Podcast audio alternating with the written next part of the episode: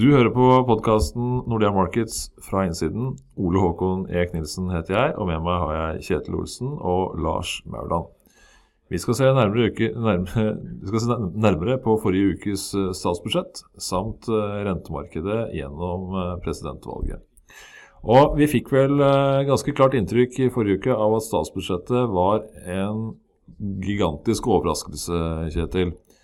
Eh, hva var det i tilfelle som var så overraskende, og burde vi bli overrasket? Nei, ja, to ting. Det, det, ene, det, som var overraskende for mange, var at um, um, regjeringen var nede på handlingsregelen allerede neste år. Dvs. Si at det fremsto som at de hadde kutta ganske mye i oljepengebruken. Oljepengebruken kom kraftig eh, ned i budsjettet, og det overraska mange.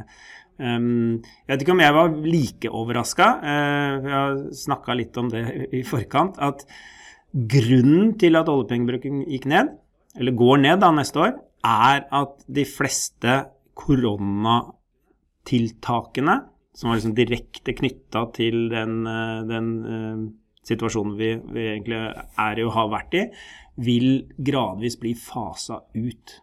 Så oljepengebruken går ned fordi økonomien har henta seg inn, og fordi det ikke lenger er behov for like stor grad av kall det livreddende tiltak overfor næringslivet. Da. Så det er en god ting. Det er bare en refleksjon av at det går bedre. Og det var egentlig noe man burde ha forventa, sånn som jeg ser det. Men vi skal altså bruke mindre penger over budsjettet enn i år. Er det da egentlig et innstrammende budsjett? Nei, det er, det, det er, ikke det. Eh, sånn som jeg ser på det, og sånn som også Finansdepartementet gjorde en beregning av, så, så, kan du på mange måter holde de måte, livreddende koronatiltakene utenfor når man skal liksom se på om, økonomi, om budsjettet stimulerer eller ikke.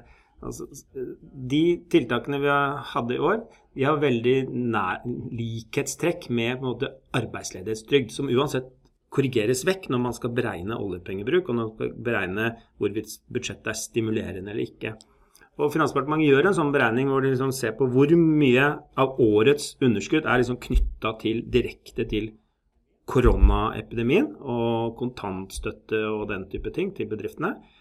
Eh, korrigert for det så ser vi at neste år gir en impuls positivt til økonomien på rundt 1% av BNP.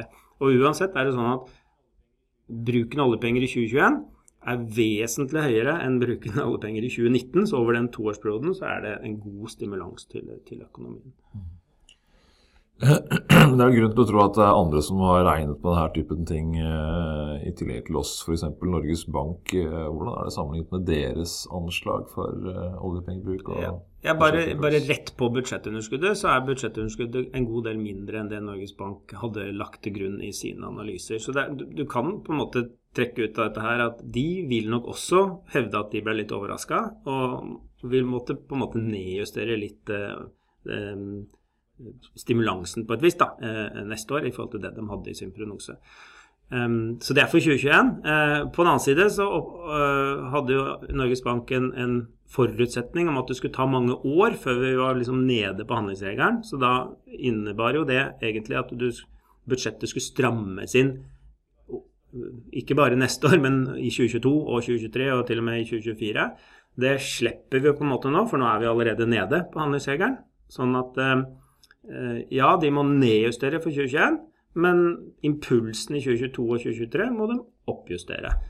Så omsatt til rentebanejusteringer, eh, eventuelt av dette, vil jeg hevde er liksom Banen, sånn alt annet likt, skulle vært nedjustert liksom på kort sikt, men, men i mindre grad på, på lengre sikt. Da. Og da kommer jo det fenomenet inn at Norges Bank går ikke under null, det har den vært veldig tydelig på. Så det er egentlig ikke så relevant om på en måte banen skulle ha vært nedjustert sånn på kort sikt, for det vil bli på en måte korrigert bort. Det som betyr noe nå, er jo om dette er nok til å få Norges Bank til å endre når de skal øke rente for første gang. Og det har de jo sagt er liksom to år ned løypa. Og jeg tror ikke dette budsjettet på en måte rokker ved den, den vurderingen. Um, det vil være liksom, hvordan det går med arbeidsledigheten i, i, stort. og da da tenker jeg også at liksom, det om vi får en vaksine eller ikke, vil være mye viktigere enn om det er en milliard eller tre eh, til eller fra på, på, statsbudsjettet. Så vi endrer ikke syn på, på en måte, første renteøkning. Vi tror fortsatt den kommer i 2022, og den kan fortsatt komme før det Norges Bank har, har lagt til grunn i sine analyser. Ja, Lars, vi hører altså at uh, det som kom i forrige uke fra statsbudsjettet, egentlig ikke påvirker uh, rentesynet så voldsomt mye. Kanskje heller ikke Norges Banks syn på, på renter. Uh, vaksine er åpenbart interessant, men det er også andre ting som er interessant sannsynligvis før vaksinen blir klar. nemlig det amerikanske valget, som jo er nært forestående. Eh, hva kan vi si om, eh, om rentemarkedet eh, opp mot dette valget? Altså hvis vi har selvfølgelig kommentert litt på, på, aksjemarkedet, og da er det en ganske tydelig sammenheng med at aksjer går bedre etter valget enn før valget. På, nei, på rentemarkedet så er ikke effekten like tydelig, men hvis vi ser på valg siden starten av 60-tallet, hvor det enten har vært bytte av president, eller hvor det har vært stor usikkerhet om valgresultatet på forhånd, så ser vi en tilsvarende effekt av hvor rentene da stiger eh, i ukene etter valget sammenlignet med, med, der de var før valget. Og dette er også en periode hvor rentene gjennomgående har falt. Så sånn sett er resultatet kanskje enda litt mer eh, signifikant. Og så vet vi at det er veldig mye fokus nå på usikkerheten rundt dette valget, og om valgresultatet skulle bli klart i det hele tatt i tide. Eh, så vi tror at når vi får denne usikkerheten ut av veien, så, så kan det gi eh, et løft i, i, de lange rentene i USA. Og da pleier jo også de lange norske rentene å følge veldig tett på det. Ja, de norske, ja, de norske lange rentene har vel sikkert kommet litt ned sammenlignet med de amerikanske, iallfall den siste tiden. Det, det lå jo lenge med en kraftig premie. Det, det, gjør vi ikke lenger. Kan vi forvente at det kommer vi tilbake? Vi tror det.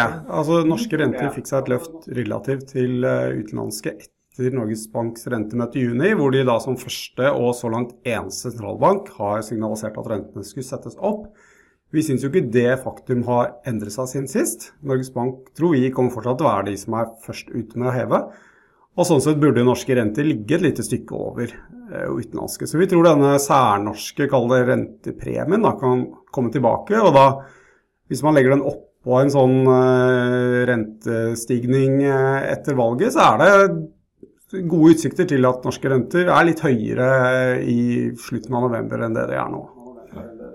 Da snakker vi om de, de, de lange rentene. Eh, jeg har altså med andre ord eh, ikke fått så veldig mye mer informasjon om Norges Bank sitt handlingsmønster for de kommende månedene, halvåret, året. Eh, fra, fra forrige uke. Statsbudsjettet er omtrent som ventet. Valget kan derimot bli ganske spennende. For det handler egentlig om rentene mye lenger frem, og, og der er forventningene ekstremt svake og ekstremt lave. Vi tror med andre ord at litt mer, eh, et, enda lysere aksjemarked på andre siden av valget vil kunne trekke rentene ute lenger opp. Eh, og, og kanskje også norske renter enda litt mer enn en det igjen. Eh, det vil også kunne ha konsekvenser for kronekurs. Det kommer vi tilbake til i en egen podkast litt senere. Du har altså hørt på Nordea Markets fra innsiden. Ole Håkon Eik Nilsen heter jeg, og med meg hadde jeg Kjetil Olsen og Lars Mauland. På gjenhør.